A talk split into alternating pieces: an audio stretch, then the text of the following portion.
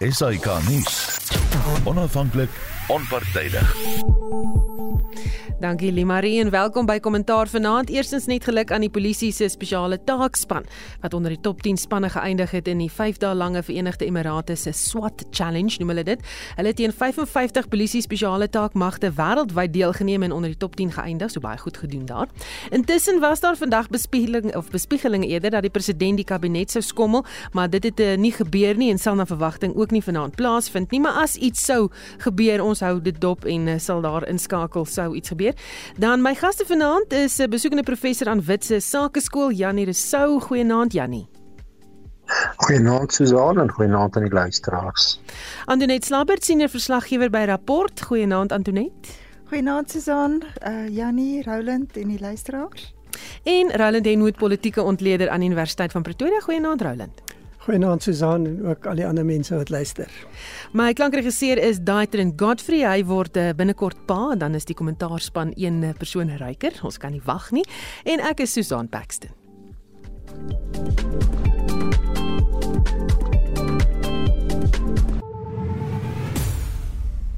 Dis nou 2 minute oor 8 en uh, goed, ons gaan net maar begin met dit waaroor almal gesels en dis Eskom en Andrei de Ruyter. Nou al wat die regering vra is dat Andrei de Ruyter die name van die korrupte lede bekend maak. De Ruyter het vroeër die week tydens 'n uh, televisieonderhoud onder meer gesê dat 'n hoëgeplaaste ANC lid en lid van die parlement openlik betrokke is by die korrupsie by Eskom en nadat hy dit aangemeld het by die owerhede, dit nie gelyk het of die nuus 'n verrassing of 'n skok is nie. Nou het 'n privaat ondersoek ook bevind dat daar nie een nie 'n persoon is nie, maar twee betrokke is. Die ANC het intussen die ruiter 7 dae gegee om 'n klag by die polisie in te dien oor sy beweringe en die woordvoerder van die ANC, Maglengi Bengu Motsiri, verduidelik. To date, ANC is not aware of any action taken by Mr. Director to open a case. The ANC urges Mr. Director to fulfill his constitutional and legal obligations to officially report to the police any act of criminality and or illegality he's aware of within the next 7 days. Failure by Mr. Director to bring such information forward and report it in line with his obligations will result in ANC laying Section 34 charges against him. Nou Antoinette, jy het uh, die storie in diepte gevolg. Wat dink jy nou van hierdie ultimatum? Ja, Susan, waarna die ANC daar verwys is die wetgewing teen korrupsie wat 'n wetlike verpligting plaas op enige iemand wat bewus is van korrupsie bo sekere waarde, ek dink is 100 000 rand.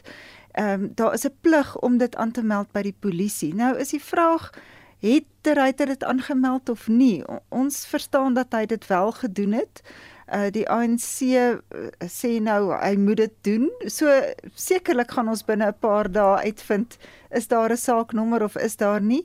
Maar die probleem is uh, lyk dit vir my dat baie van die goed wat aangemeld word, daar word net niks aangedoen nie. Soos Andrei de Ruyter trouens gesê het die geval was met die poging om hom te vergiftig. Hy sê daar het twee mense twee polisielede by hom aangekom om verklaringe af te neem, mense wat duidelik nie die skerp, skerpste potlode in die pakkie was nie en daar het niks verder gebeur nie hoewel daar skynbaar duidelike leidrade is. So ek dink dit is 'n voortsetting van 'n tema wat ons het van mense wat verkeerd doen en daar is nie gevolge nie en dikwels is dit met politieke bande. Uh, so mens sal die spasie dop hou en kyk hoe dit uitspeel. Hm. Gaan weer terugkom na jou toe want ek wil ook jou gedagtes hê oor wat jy dink van die televisie onderhoud uiteindelik. Janie, wat dink jy van alles wat Andre de Ruyter gesê het die week?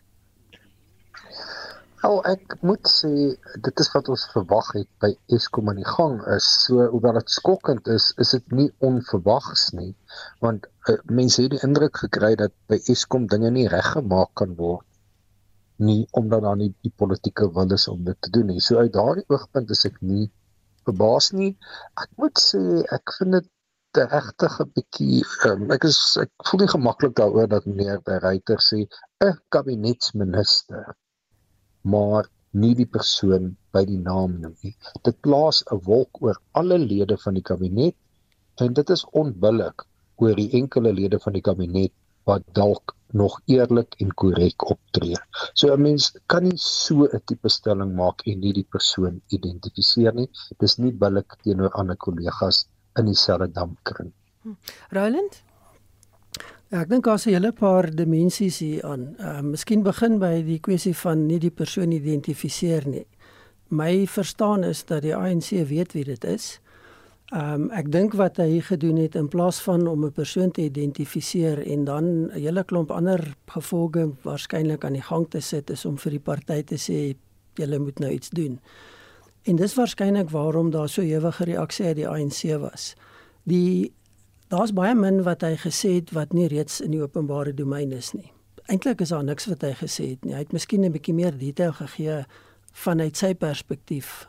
Ehm um, ek dink die ewige reaksie uit die ANC is twee redes. Eersteen is dat die ANC van Cyril Ramaphosa begin al hoe meer lyk soos die ANC van Jacob Zuma en hulle het baie hard probeer om juis daai beeld te breek. En die rede daarvoor is dat daar eenvoudig niks gebeur nie. Saam met dit sien ons dat dieselfde tegnieke, prosedures en manier van doen herhaal die intimidasie van mense wat dit durf waag om iets te sê die niks doen aan dit wat aangemeld word en die wegpraat van alles en dan beskuldigings wat gemaak word Ek het 'n vermoede dat baie van wat nou gebeur is ook met die oog op die verkiesing wat nader kom volgende jaar. Dit lyk asof die ANC besluit het, besef, ek weet nie watter een van die twee nie, dat beerdkrag is waarskynlik een van hulle enkele grootste uitdagings. En hulle moet tussen nou en die verkiesing daglig kry tussen hulle self en beerdkrag. En ons sien die patroon van laas jaar af uitspeel dat waar die ANC aanvanklik verantwoordelikheid aanvaar het al is dit baie oorsigtelik begin hulle al hoe meer die argument voer dat dis iemand anders se skuld. En die afgelope maande het ons baie duidelik gesien dat die ANC die ryter beskuldig en verantwoordelik hou vir beerdkrag. Nou as daai logika geld dan moet beerdkrag nou ophou want hy's nou weg. En en ek dink dit is wat uit die ANC ontbloot op 'n manier wat hulle nie wou gehad het nie. Hy heng se kans gevat, ja. Ehm um, ek wil nog sien of die ANC klagtes gaan lê. Want dan beteken dit hulle moet uitkom met hierdie goed. Hierdie is die tegnieke wat gebruik is voordat Ramaphosa president geword het. En dis die noem dit maar die playbook wat nou weer gebruik word. Hm. So ek dink daar's baie maat groot mate van bluf en van boelie taktik wat gebruik word. Daar's nog nie substansie nie. En kom ons gaan terug na die basiese ding. Die sondekommissie het al hierdie goed gesê en name genoem. Hulle het miskien nie die kabinetsminister wat nou daar sit genoem nie. Maar dit is ek meen ons weet en kan sien wat is besig om te gebeur. Hm. Antoinette Ja, ek dink wat vir my uitstaan van die hele debakel Susan is dat ek is jammer die die debat gaan nou weer eens oor dinge op 'n politieke vlak. Ons behoort almal te vra hoekom werk Eskom se herstelwerk nie. Hoekom het ons fase 6 beerdkrag? Wat gaan aan in elkeen van daai kragstasies en in elkeen van daai eenhede? Ehm um, nou goed, politiek speel 'n rol, maar ek dink daar's ook dood eenvoudig meganiese en tegniese faktore waarop ons antwoorde wil hê en, en ons kry nie nooit 'n behoorlike verduideliking nie. Die Sunday Times het vandag 'n berig gehad oor wat by Kusile gebeur het. Nou ek het geweet wat tegnies daar gebeur het, maar wat uh die Sunday Times vandag by sê is dat die bestuur by Eskom opdrag gegee dat daai eenheid moet aanhou werk al het die tegniese mense gewaarsku dat daar fout is. Nou, ek het die afgelope week met 'n klomp Eskom werkers gepraat en wat hulle vir my gesê het is die bestuur beskerm ons nie teen die politici nie. En dit is 'n onhoudbare situasie vir baie van daai werknemers en 'n klomp van hulle soek ander werk in die stadium. So dis jammer die die debat gaan nou weer oor ander goed en dit is eintlik die groot probleem by Eskom dat die prioriteite nie is waar die prioriteite moet lê nie. Die een interessante ding wat uh, die ryter vir my gesê het uh, is dat die sentrale energiefonds belangstel om eh, 'n uh, klomp van die ou kragstasies te koop en dat hulle dit wil omskep in kragopwekking uit gas want hulle gaspypleiding van Mosambiek af loop baie naby aan daai uh, kragstasies in Mpumalanga verby. Nou Andre de Ruyter het dit verbind met die russe wat 'n oorskot van gas het. Ehm um, ek weet nie hy het, hy het self gesê daar hy het nie bewyse daarvoor nie, maar hy doen nou wat Pravin Gordhan gesê het, connect the dots. Ehm uh, so dis vir my 'n baie interessante verwikkeling wat nog nie tot dusver bekend was nie. En wel, as Rusland 'n oorskot aan uh, gas het en ons kan dalk goedkoop gas daar kry, wie weet, dalk kan ons vir eenslag 'n bietjie voordeel trek uit ons sagte houding teenoor Rusland. Hmm. En dit gaan nou weer 'n ander debat ook ontketen en dit is die hernubare krag ene is gas die antwoord. Dis reg, ja. Sjoe, goed, so so, so glo weet Gordon wie is hierdie persoon Gordon het geweet wie dit is. So moet hy dan nou nie sê nie, moet hy nie die klagte dan ook gaan lê het nie. Maar gaan Gordon vandag en sê hy is baie teleurgesteld in die ruiter se optrede nadat hulle hom so lank ondersteun het, maar Janie het hulle hom werklik ondersteun. Ek kry nie die indruk dat die regering meneer De Ruyter ondersteun het nie. Ehm um, niemand tas het so ver gegaan om meneer De Ruyter 'n verraaier te noem. Hy het ander woorde gebruik wat ek by sê, maar die manier wat meneer Mantas het teen die einde van verlede jaar van meneer De Ruyter gepraat het, het regtig nie na steun vir meneer De Ruyter gelyk nie. En uh op daardie stadium het nie meneer Gordhan of president Ramaphosa uitgekom om meneer De Ruyter te steun nie. So my indruk is nie dat hy steun gekry het van die regering nie.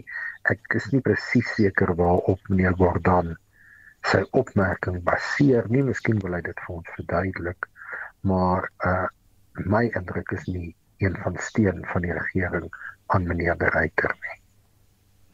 Susan, ek as ek daar kan inkom, net twee voorbeelde van hoe hy hoe ehm um, die ryter vir al die afgelope tyd nie regtig ondersteuning gekry het in sy taak wat hom opgelees nie is die uh, een van die groot take van Andre de Ruyter was die ontbondeling van Eskom en hy het eintlik relatief goed daarmee gevorder tot op 'n punt waar dit uit sy hande was. Byvoorbeeld die 'n skeiding van transmissie wat die belangrikste gedeelte is wat Eskom op die lange term op die langtermyn wil behou. Ehm uh, dit is sover gedoen as wat Eskom kom, maar toe moet die regering en spesifiek minister Gordon moet 'n direksie aanstel vir die transmissiemaatskappy. Dis al meer as 'n jaar sedert Eskom die name van geskikte kandidate aan hom gegee het en hy het nou nog nie 'n aanstelling gemaak nie. Nou hoe ondersteun jy dan die man om die taak te doen wat hom opgelees? Ons kan nog 'n voorbeeld gebruik, eh, die beskikbaarheid van diesel. Daar's 'n verklaring uitgereik. Uh, Gordon het gesê ons gaan diesel kry, maar dit het maar gesloer.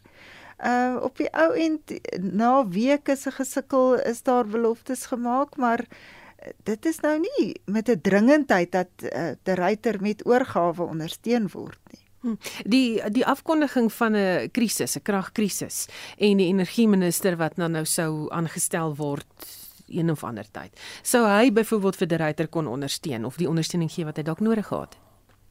Dis moontlik. Uh, ek dink die eerste vraag wat 'n mens moet vra is was daar het ons op die punt gekom waar dit nog steeds nodig was om te ondersteun want hy het aan die begin ondersteuning gekry. Hy is aangestel. Hy het ondersteuning gekry. Daar's baie voorbeelde daarvan. Maar soos vir die prosesse ontvou het, het dit minder en minder geword. En die vraag is waarom?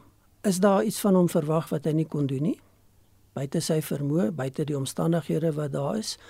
En En ek kom terug na nou kom ons nader aan die realiteite van 'n verkiesing en daar's die regering kan niks wys nie, hy kan agteruitgang wys.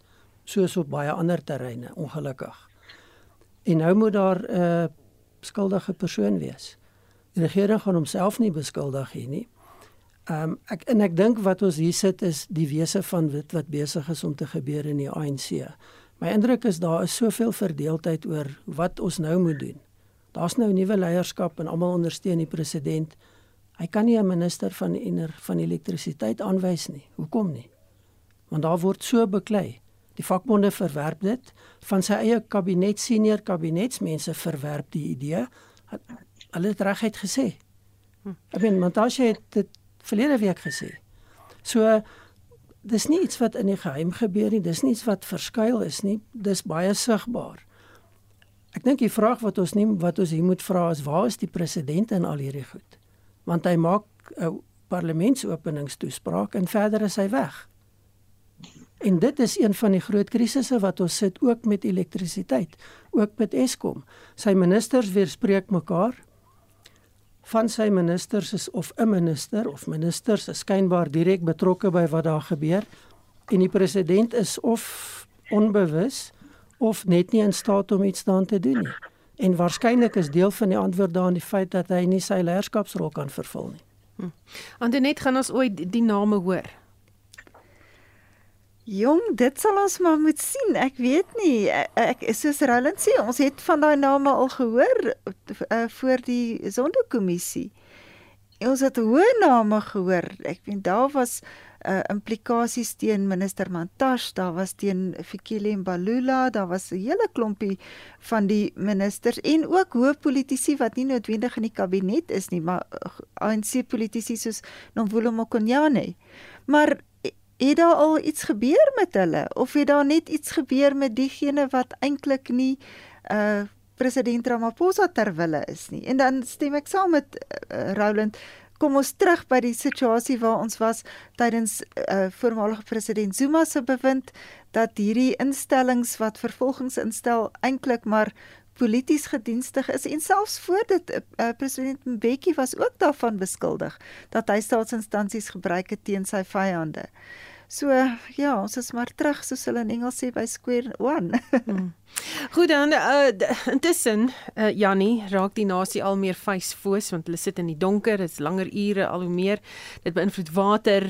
Uh jy weet die nasie is eintlik kwaad. Ek ek ondervind mense is baie baie boos en kwaad en en moeg hiervoor. Uh weet as jy nou uit 'n ekonomiese uh, weet oogpunt hierna moet kyk, wat sê die markte? Die markte het hierdie elektrisiteitskrisis nou volledig ingeprys asof dit 'n permanente uh, aspek van Suid-Afrika se ekonomie is. Met ander woorde, die markte aanvaar dat hierdie krisis nie vinnig opgelos gaan word nie. Uh, dit is so dat meneer Ramaphosa regtig geen leierskap toon nie. Hy uh, hy word vermis. Die man het op die 9de Februarie soos ons pas gehoor het, aangekondig hy gaan 'n minister aanstel en pas vandag is dit nog nie gedoen nie. So ons moet asseblief nie ons hoop op meneer Ramaphosa plaas nie. Ek persoonlik dink die regering se groot verwagting is dat privaat elektrisiteitsopwekking die sakeondernemings waarvoor daar nou belastingverligting in die begroting aangekondig is, Suid-Afrika gaan help om die elektrisiteitskrisis te oorkom. Ek vermoed ook dat die regering dink dit gaan vinnig werk voor die volgende verkiesing en dit gaan help om die ANC aan bewind te hou. Maar wat die ekonomie betref, is die ekonomie besig om te funksioneer asof beurtkrag 'n permanente aspek van ons ekonomie is. Dit natuurlik 'n baie baie groot ontwrigtende effek op huishoudings en 'n baie baie groot ontwrigtende effek op klein sake ondernemings wat baie swaar kry. Hm. Ek sien Mani het 'n SMS gestuur en jy daar by die huis is welkom om saam te gesels 45889 is die SMS lyn nou. Mani sê verstaan ek reg dat jy reken is 'n goeie idee dat ons die oorskot gas wat Rusland het as gevolg van sanksies deur Europa oor sy onheilige inval in Oekraïne moet koop. Nee Mani, dis nie wat ons gesê het nie, maar Andre de Ruyter het daardie kolletjies verbind oor gasturbines wat dalk uh, op weet gekoop geword deur die ouens wat die die kragpryse vasstel. So dit is alles dinge wat nou uitgekom het tydens die gesprek. Uh, uh, wat ander die ruiter gehad het of die televisie onderhoud. Um ander ding Roland wat uitgekom het is is mense is veral burgerlike groepe is bekommerd oor vletjieblassers as hulle kyk na die reaksie op wat ander die ruiter nou gesê het. Ja, ek meen dis hoekom ek verwys na die praktyke wat ons gesien het in die afgelope 10, 15 jaar. Ehm um, in plaas van om die kwessie wat op die tafel kom te hanteer word die persoon letterlik vir aangeval, gedreig Ehm um, en ons weet wat gebeur in Suid-Afrika met sulke mense. Hulle word vermoor. Weereens, waar's die leierskap? Waar's die verbintenis tot skoon regering? Waar is hierdie dryf om korrupsie uit te skakel? Dis afwesig. Natuurlik, as iemand onverantwoordelike goed sê, so 'n senior persoon, dan moet dit uitgewys word. Maar dan moet daar tog sekerlik gekyk word na dit wat gesê word en ons sien dit nie in Suid-Afrika nie. Wat ons sien is onmiddellike reaksies dreig die persoon. En het, ek ek wil nie in daai rigting ingaan nie, maar daar's baie stories wat loop van wie is almal betrokke in Mpumalanga in die vervoerbedryf. En dit is nie sakemanne nie in die eerste plek nie. As iemand daaroor iets gaan sê, dan gaan waarskynlik dieselfde gebeur. Maar niemand gaan kyk daarna nie. Niemand stel ondersoeke in nie. Daar word niks aangedoen nie. Ehm um, 'n volgende probleem. Wat van die vakbonde? Hulle is net so direk hierby betrokke. Niemand sê iets daaroor nie, want dis die alliansievennote. En dit is onaanvaarbaar. So my vraag is, wat is die regering se prioriteite? Want hier sit ons met 'n regering wat 'n 'n 'n amper 'n noodtoestand afkondig oor elektrisiteit. Na hoeveel jaar waar ons daarmee saamleef, nou skielik, maar daar gebeur niks. As jy daai beplanning doen, as jy daai stappe neem, dan sekerlik het jy 'n idee wat jy gaan doen. My indruk is daar is so 'n verlamming in die ANC dat afhangende van wie wat wanneer sê dit gaan bepaal wat op die oomblik geld en verder is daar niks. En en daarom dat iemand wat soos die ryter gaan uitpraat, vat 'n baie groot kans. Ek sien 'n klomp SMS'e wat inkom en dit dit weerspieël net dit wat ons nou oor praat. Annelien wat sê ons het nie meer hoop nie. Kom ons roep die FBI in. Ons is magteloos. Uh Mariska wat sê die president het onlangs beloof om vletjie blaasers te beskerm. Gaan die regering nou verander die ryter ten volle beskerm? Um en dan iemand wat sê nee, wat hulle wil seker verander die ryter aanstel as die minister van energie. Dit's 'n interessante punt daai. Uh ek wil 'n laaste punt hier oor vra vir jou Antonet in in in Roland het daarna verwys maar die die kartelle, die steenkoolkartelle is ook nou onder soeklig. Jy het spesifiek daarna vandag verwys in jou skryfies. Ja, ek is bevrees uh, daar is definitief kartelle in Mpumalanga wat werk rondom die steenkool. Daar's 7 of 8 uh, eh, kom ons noem dit oorplasingsstasies, onwettige persele waar die steenkool word van die myn af aangery, die goeie steenkool wat vir Eskom bedoel is of dit wat volgens spesifikasies, dit word na daai uh, perseel toe gery en dan omgeruil met klippe en goeters wat baie sleg is vir die kragstasies en dan word dit by Eskom afgelaai. Nou, jy kan nie vir jouself indink dat iets op so groot skaal kan gebeur en niemand sien dit of as hulle dit sien, doen hulle niks daaraan nie. Dis al 'n geruime tyd so, dis nou nie iets wat gister en vandag gebeur het nie. So dit daar's groot geld by betrokke. Ehm um, en dit is natuurlik waaroor al hierdie uh druk by Eskom gaan. Dit gaan oor gevestigde belange en geld. Ek het uh, met ehm um, die kragstasie bestuurder by Kendal gepraat. Ek het 'n onderhoud met hom gehad in die week en hy sê vir my hy dink die grootste deel van die sabotasie op kragstasies gaan oor geld. Dit is iemand wat wil uh oortydwerk afdwing sodat hy sy inkomste kan aanvul of 'n kontrakteur wat iemand kry om iets te breek sodat hy 'n verdere instandhoudingskontrak kan kry. Dit uh, is daai tipe van goed of daar word diesel uit die voertuie uitgesteel, koper uit die uh, kabels uit um, of kabels met koper om uh, om die koper te kry. Daai tipe van goed. Dit gaan oor geld baie meer as enigiets anders. Ek dink as ek net 'n punt maak, mense moet ook gaan langer kyk. Kyk bietjie hoe is die ryter en Eskom behandel in die parlement toe hulle voorleggings gaan maak het. En dit het vir 'n mens die proses ingelei. Montashe se aanval, daarna die bedanking en daarna die die tipe vrae wat gevra is. Die manier daai portefeulje komitee in die parlement. Ek dink dis skandalig wat daar gebeur het. Dis mense wat baie duidelik geen idee het van wat rondom elektrisiteit gebeur nie. Die tipe vrae wat gevra is, die manier wat dit gedoen is. Dis ons openbare verteenwoordigers. Dis die mense wat die regering moet verantwoordbaar hou dan is dit gaan wonder dit gaan soos dit gaan nie. Janie, so laaste gedagte van jou hieroor, dink jy daar is lig in die tonnel oor hierdie Eskom kragprobleem? Ek dink die lig in die tonnel is dat die regering besef het dat die private sektor elektrisiteitsopwekking sal moet oorneem, dat ons in 'n groter mate private opwekking gaan sien en op daardie manier beurtkrag gaan oplos. Ons gaan dit nie sien deur Eskom wat meer krag lewer nie, maar soos ek gesê het, meer privaat instellings en dan natuurlik meer middelklas huishoudings wat ook hulle eie panele gaan opsit en sodoende 'n kleiner vraag na Eskom se krag gaan uitoefen. Goed, net hierna gesels ons uh, oor die afgelope begroting. Ons gaan praat oor uh, verkiesingswetgewing, die gryslys natuurlik in Oekraïne en uh, die FSA resolusie so bly ingeskakel. Welkom terug by Kommentaar. My gaste vanaand Janie Rousseau, professor Janie Rousseau, Antoinette Slambert en Roland Henwood wat bietjie gesels uh, oor die nuus van die week. Nou die begrotingsrede, hoe raak die nuwe begroting jou? Was al die opskrifte vandag en gaan ons ons koffers kan vol maak en meeste het die begrotingsrede beskryf as die Eskom begroting hierdie jaar. Janie, wat het uitgestaan vir jou? Ja, yes, wat my uitgestaan het Antoinette is dat die regering Ah, ek sê tog as Susanna die regering begroot het vir 'n baie klein verhoging vir staatsamptenare en baie hang af daarvan of die regering gaan slaag om die groei in die staatsdiens salarisrekening tot uh, daardie begrote syfer te gaan te kan beperk. As die regering dit nie kan regkry nie, gaan dit nodig wees om baie meer geld te leen en dan gaan al die verhoudings verhoudingssyfers wat uitgewerk is anders lyk, like, swakker lyk. Like. So dit is vir my een enkele baie belangrike punt in hierdie begroting. Roland?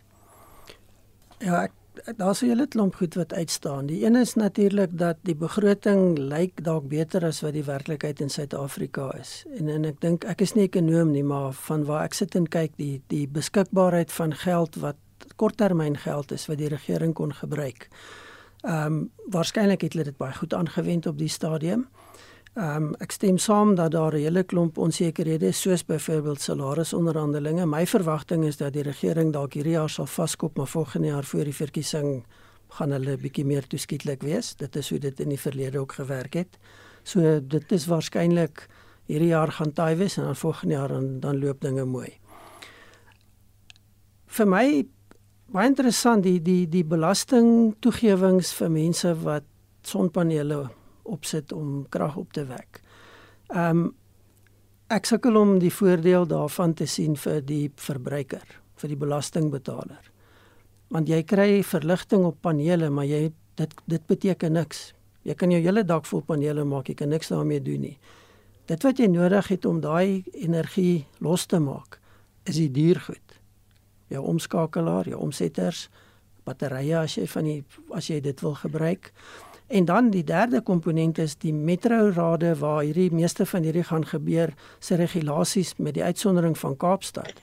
Maak dit absoluut onmoontlik op die stadium. Daar's geen toeskietlikheid nie. So hier sit ons met iets wat aangebied word asof dit 'n groot verandering onmiddellik bring. Maar my verstaan daarvan is dit maak geen verandering nie. Want dis 'n onvolledige prentjie en die regulatoriese omgewing is glad nog nie geraad daarvoor nie. En dan kom ons by die metrorade wat omtrent almal so wanfunksioneel dat ek nie kan sien hoe dit gaan verander nie. Almal beklei daar vir hulle eie politieke koninkrykies. So ek sukkel om daaroor opgewonde te raak. Die een deel wat waarskynlik daar baie goed is, is die maatskappy fokus. Wat baie meer realisties vir my is, dit maak dit meer moeite werd en dis waarskynlik eintlik die fokus daarvan. So daar's so half iets gewys vir die normale salaristrekker, belastingbetaler Dit is simbolies, dis nie werklik nie. Ehm um, dan die ander ding is ons het effektiewe regering nodig. Ons het 'n massiewe groot kabinet met waar gebeur niks. En ons kan die beste begroting sê. Daar gebeur nie veel nie. En en dit bly die swakpunt in Suid-Afrika. So 'n begroting wat waarskynlik vir ons 'n bietjie sis in terme van die werklikheid wat besig is om te ontvou. En ehm um, ek ek is nie heeltemal so opgewonde oor die volgende 2 jaar as wat 'n mens dalk moet wees as jy nie na die goed mooi gaan kyk nie. Antoinette? Ja, Susan, ek stem saam met wat Roland en Janie gesê het.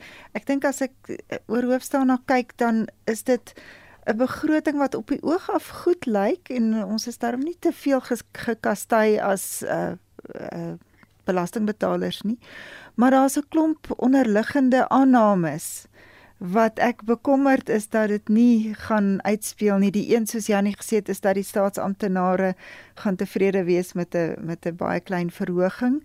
Ehm um, die ander is dan ook dat Eskom gaan voldoen aan die voorwaardes wat die tesorie gestel het vir daai uh, uh, skuldverligting.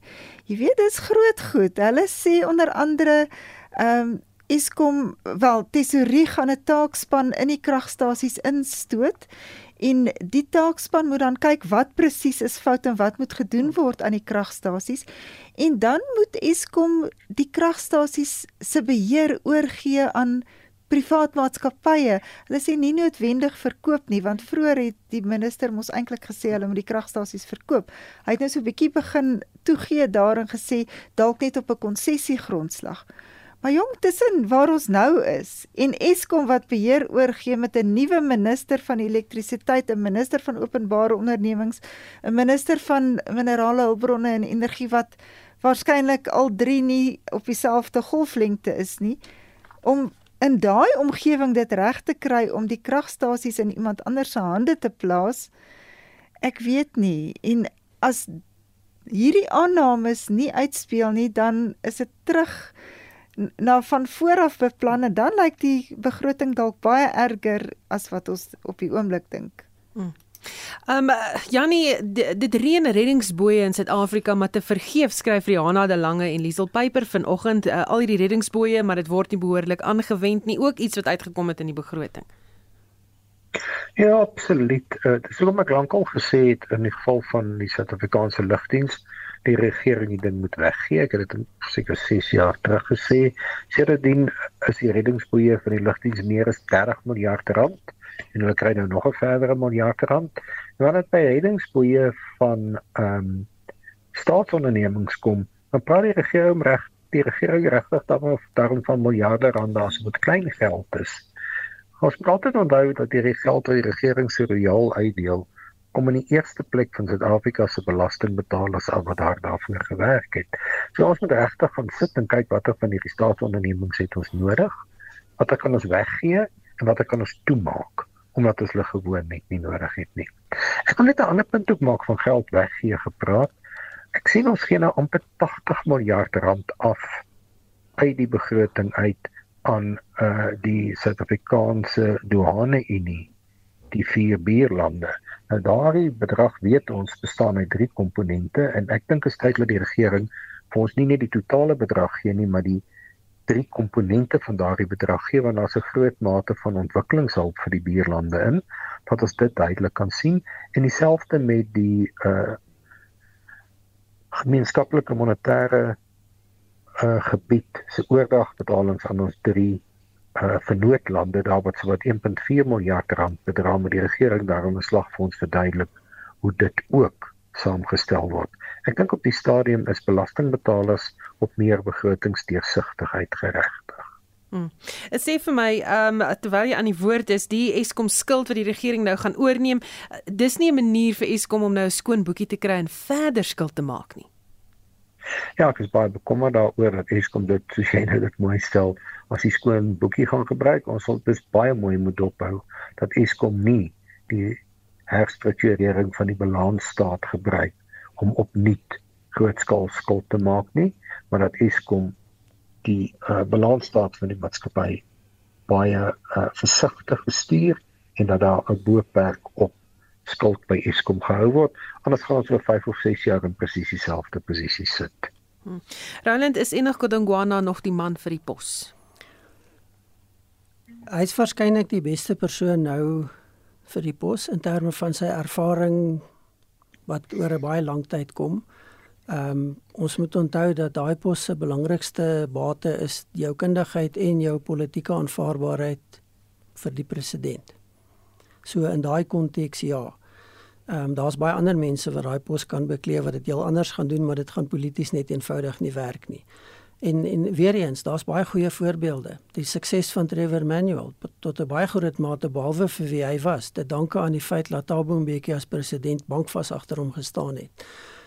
Ehm um, dit is wat verander het post Mbeki waar ministers van finansies eintlik gereduseer is tot mense wat jy kan hit in gebied en vervang soos wat jy lus het en jy beskerm hulle nie. So ek dink dis 'n baie belangrike persoon op die stadium wat in die politieke konteks baie belangrik is en 'n mens moet verbykyk by net die verantwoordelikheid as minister van finansies. Daardie pos is veronderstel om gedra te word deur die beste kundigheid in die ministerie. En dit is een van die ministeries wat nog sterker gebly het in Suid-Afrika ten spyte van alles. So ek weet nie of daar noodwendig op die stadium veel anders gaan gebeur met 'n ander persoon nie in die konteks van die ANC as regerende party nie. Hm. Antoinette, en Susan kan ek hm. kan ek asseblief net byvoeg.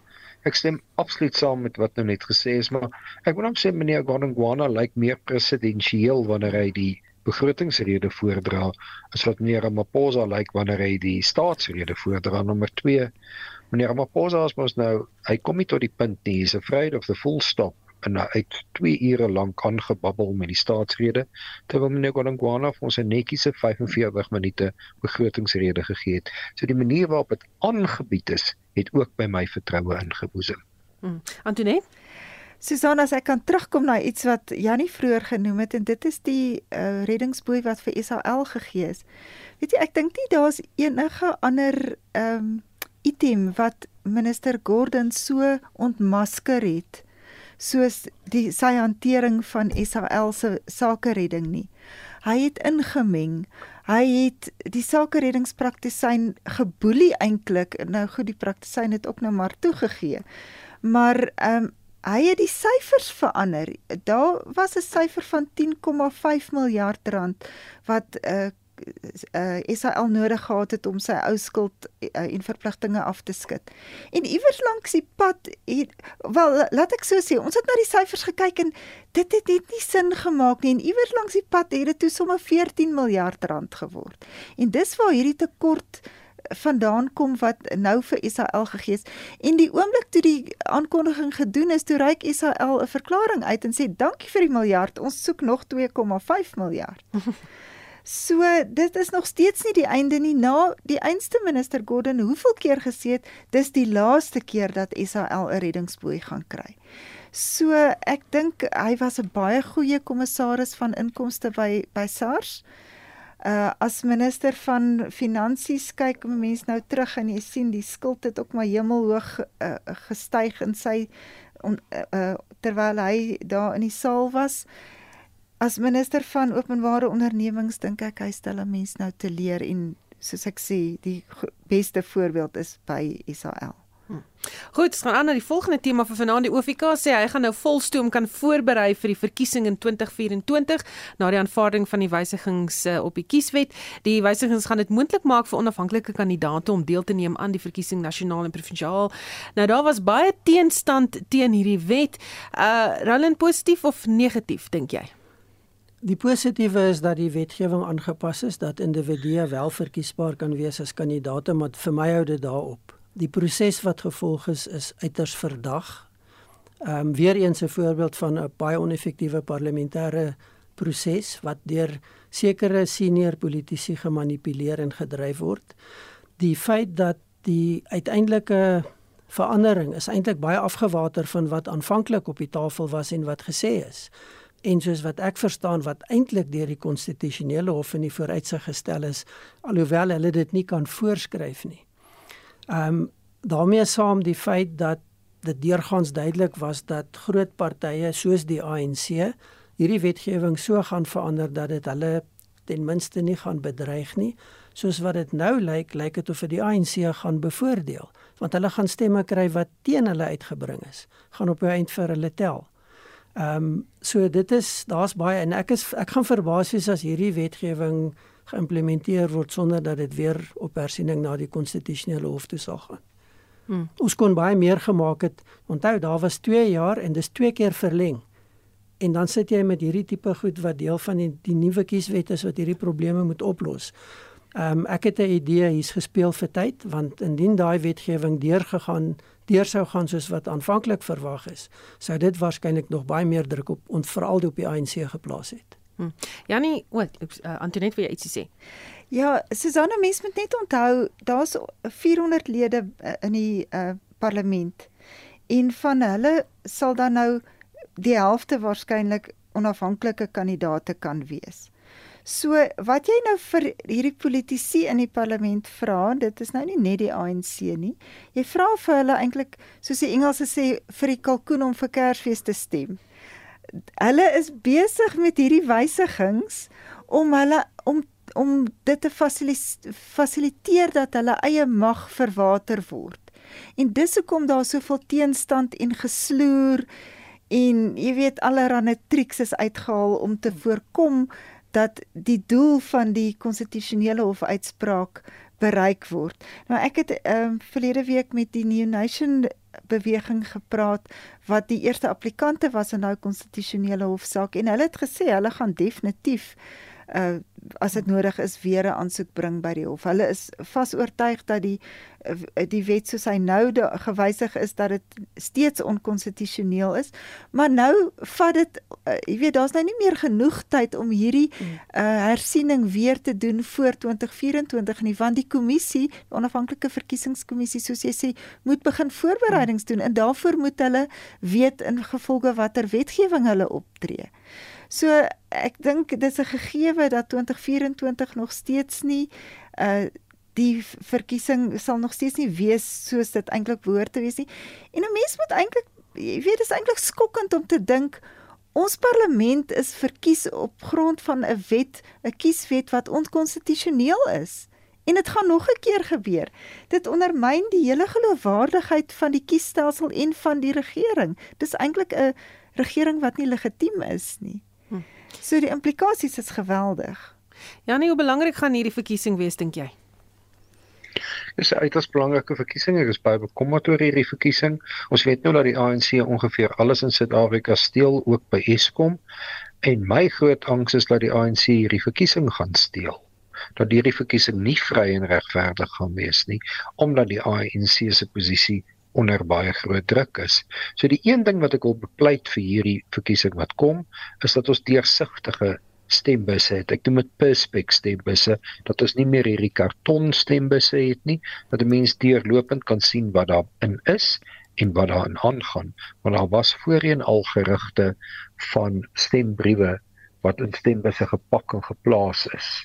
So op hierdie stadium is dit uiters noodsaaklik dat ons 'n vrye, onafhanklike, regverdige verkiesing het in die een aspek na my mening wat 'n groot bydrae kan lewer is om die aard van die stembus waar ons waarin ons die stembriewe plaas te verander. Ek was baie bekommerd in die laaste munisipale verkiesing dat stembriewe by sekere stempunte opgeraak het.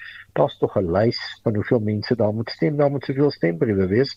Miskien daag mense op en daar's nie stembriewe nie en niemand het ooit vir ons 'n verklaring gegee wat van daardie stembriewe geword het nie. Hmm.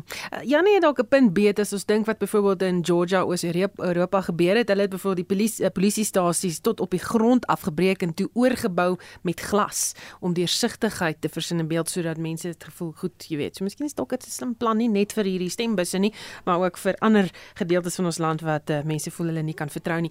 Roland vinnig die kabinetskommeling uh, sou gebeur het vanaand. Daar was besprekings daaroor en toe eweskielik gebeur dit nie meer nie. 'n Klomp mense wat sê daar's probleme, die president kry nie sy alliansievennote oortuig nie. Wat dink jy gaan nou aan?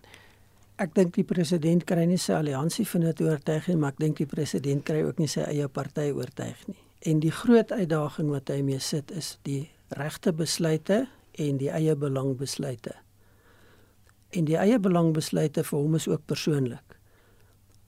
Dis baie duidelik dat die minister van minerale en energie sake, Gwerimantashe, as minister 'n ongelooflike groot probleem is. Polities is hy onmisbaar vir die president. Hoe versoen hy dit? En dan weet ons dat Montashe is op rekord dat hy nie iets anders wil doen as wat hy nou doen nie. Hy klou vas aan daai portefeulje. So dis nie van ek sal die land dien waar word ek ontplooi nie. Dis ek sal die land dien want hierdie is my portefeulje.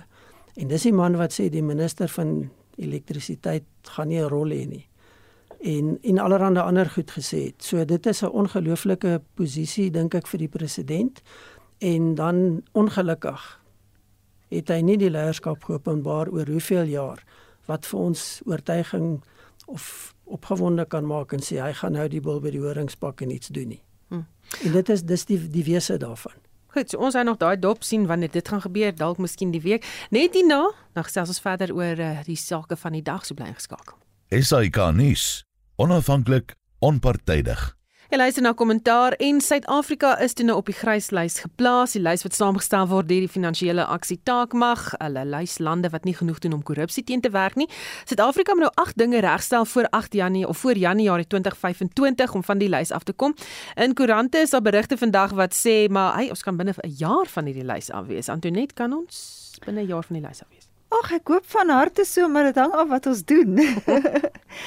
en soos ons nou ges, heel aand nog hoor, ons ons uh, regering is nou nie eintlik kragdadig en haastig met al die tipe van goed nie. Maar Susan, dit wys net vir jou daar's gevolge vir, vir dit wat gebeur in 'n land. Uh dit is nie net asof die sondekommissie en die al die, al die ander voorbeelde van korrupsie hier plaaslik plaasvind nie. Uh dit het weerklank gevind in die uh regering in Brittanje waar uh Pieter Hein die ding geopper het. Dit het weerklank gevind in Amerika waar daar opgetree is teen van die Amerikaanse maatskappye wat betrokke was hier. En hoewel ons dikwels gesien word as 'n land met 'n baie gesofistikeerde finansiële stelsel en 'n stabiele finansiële stelsel, is ons hier in die skande gesteek en ons gaan die prys betaal daarvoor. Hm. Jannie, as ons kyk na hierdie grys lys, wat beteken dit vir ons en en gaan dit buitelandse belegging belemmer? Susan, hierdie grys lys maak my baie hartseer. Ons het hierdie ding vir 4 jaar sien kom. Ons regering het ongeveer 4 jaar gelede in 2019 die eerste waarskuwings gekry dat ons moontlik op die gryslys kan beland en regtig nie die nodige stappe gedoen nie. So in 4 jaar kon ons dit nie verhoed nie. En nou is daar hierdie vreemde idee dat ons baie vinnig hier gaan afkom asof iemand in die regering iets gaan doen. Ek moet ook net byvoeg dat die gryslys natuurlik nie die einde is nie. Jy kan van die gryslys af val na die swartlys toe. En op die swartlys, sover ek kan vasstel, is drie lande: Myanmar, Iran en Noord-Korea. So asseblief, ons wil van die gryslys af na die bokant toe kom, nie na die onderkant toe nie. Hierdie drie lande op die swartlys is natuurlik lande wat eintlik heeltemal van die internasionale wêreld af afgesny is. Nou om op die gryslys te wees beteken dat dit moeiliker is om internasionale transaksies te doen. Dis moeiliker vir mense byvoorbeeld om geld in Suid-Afrika te belê. Dit is moeiliker om deur die bankstelsel met Suid-Afrika te transakteer. Dit gaan kostes verhoog.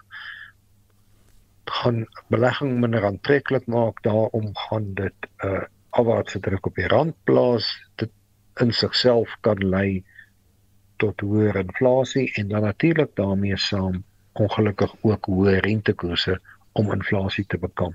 So in die kort opsomming, hier is 'n baie ongelukkige uitkoms. Die regering het dit sien kom. Hulle het niks gedoen nie, baie min gedoen en daarom kan die Suid-Afrikaners op hierdie oomblik net die regering blameer. Die Suid-Afrikaanse regering het Suid-Afrikaners in die steek gelaat.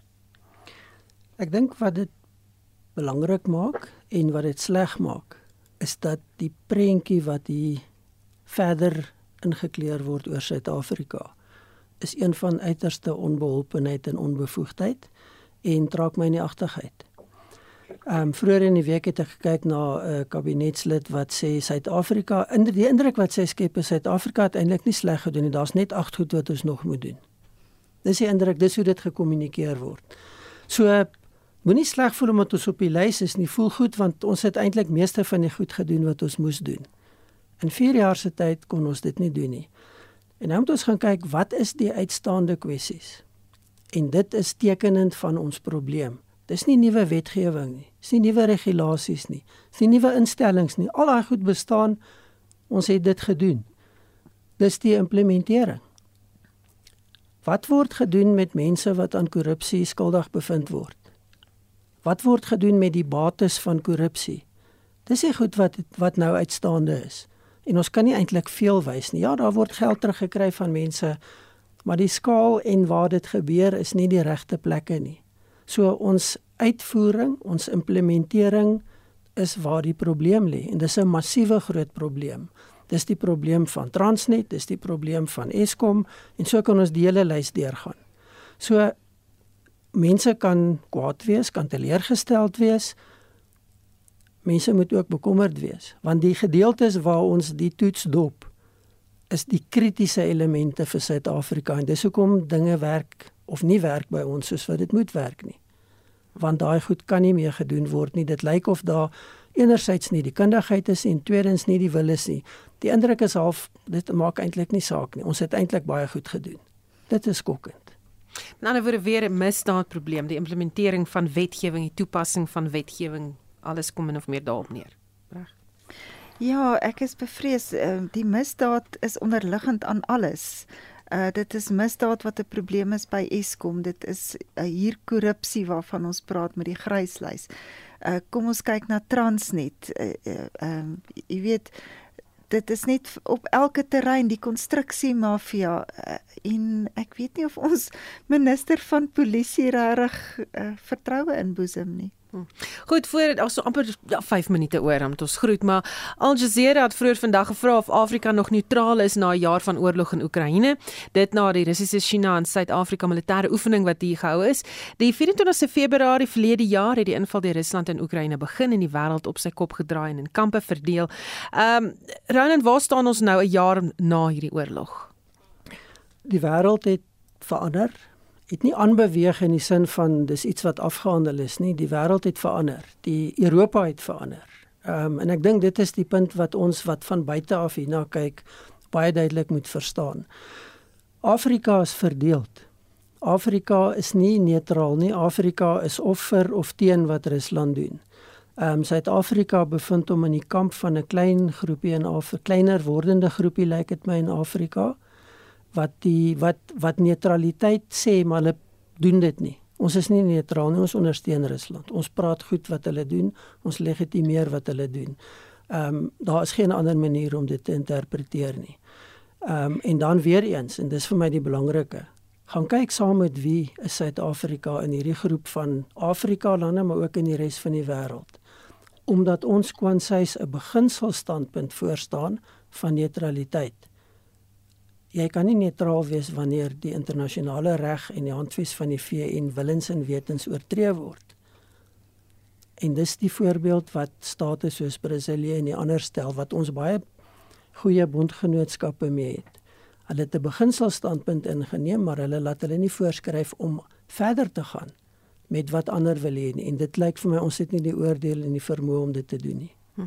Janie, die resolusie resolusie wat vra dat Suid-Afrika se verhouding met die FSA herbesin moet word na hierdie vlootoefening met Rusland en China as die week aan die Amerikaanse Senaat voorgelê en en daar's waarskuwings van die FSA dat hierdie verhouding met Rusland ons gaan kos. Ja, inderdaad. Ons moes een of ander tyd reaksie uit die FSA verwag het en ongelukkig uh, is ons verhoudinge met die FSA nou op die spel. Na my mening kry ons as Suid-Afrika, Suid-Afrikaners baie meer voordeel uit verhoudings met Amerika as Rusland. Blyk ongelukkig vir my of politici en magshebbers in Suid-Afrika binne die ANC sekere voordele uit Rusland uitkry en daarom Rusland ter wille is vir hulle eie persoonlike redes nie in Suid-Afrika se belang nie. Hm. Antoinette Uh, ja, een van die belangrike ooreenkomste tussen Suid-Afrika en die FSA wat nou in die of in die weegskaal kan kom, is die AGOA ooreenkoms. Dit is basies 'n vryhandelsooreenkoms wat Suid-Afrika toelaat om 'n klomp produkte uit te voer na Amerika sonder dat daar heffings opgeplaas word. Dit is motors, dit is 'n uh, minerale, dit is sitrus, 'n klomp landbou landbouprodukte. En dit kan ons definitief skaad as dit gebeur. Ons het vandag ook in rapporte berig gehad oor vigshulp uh wat in die weegskaal kan kom. Nou is die teenargument dat uh, ons het gesien met COVID-19 as 'n siekte in een deel van die wêreld versprei, dan versprei dit maar oral heen. So miskien sal dit die FSA twee keer laat dink in daai opsig.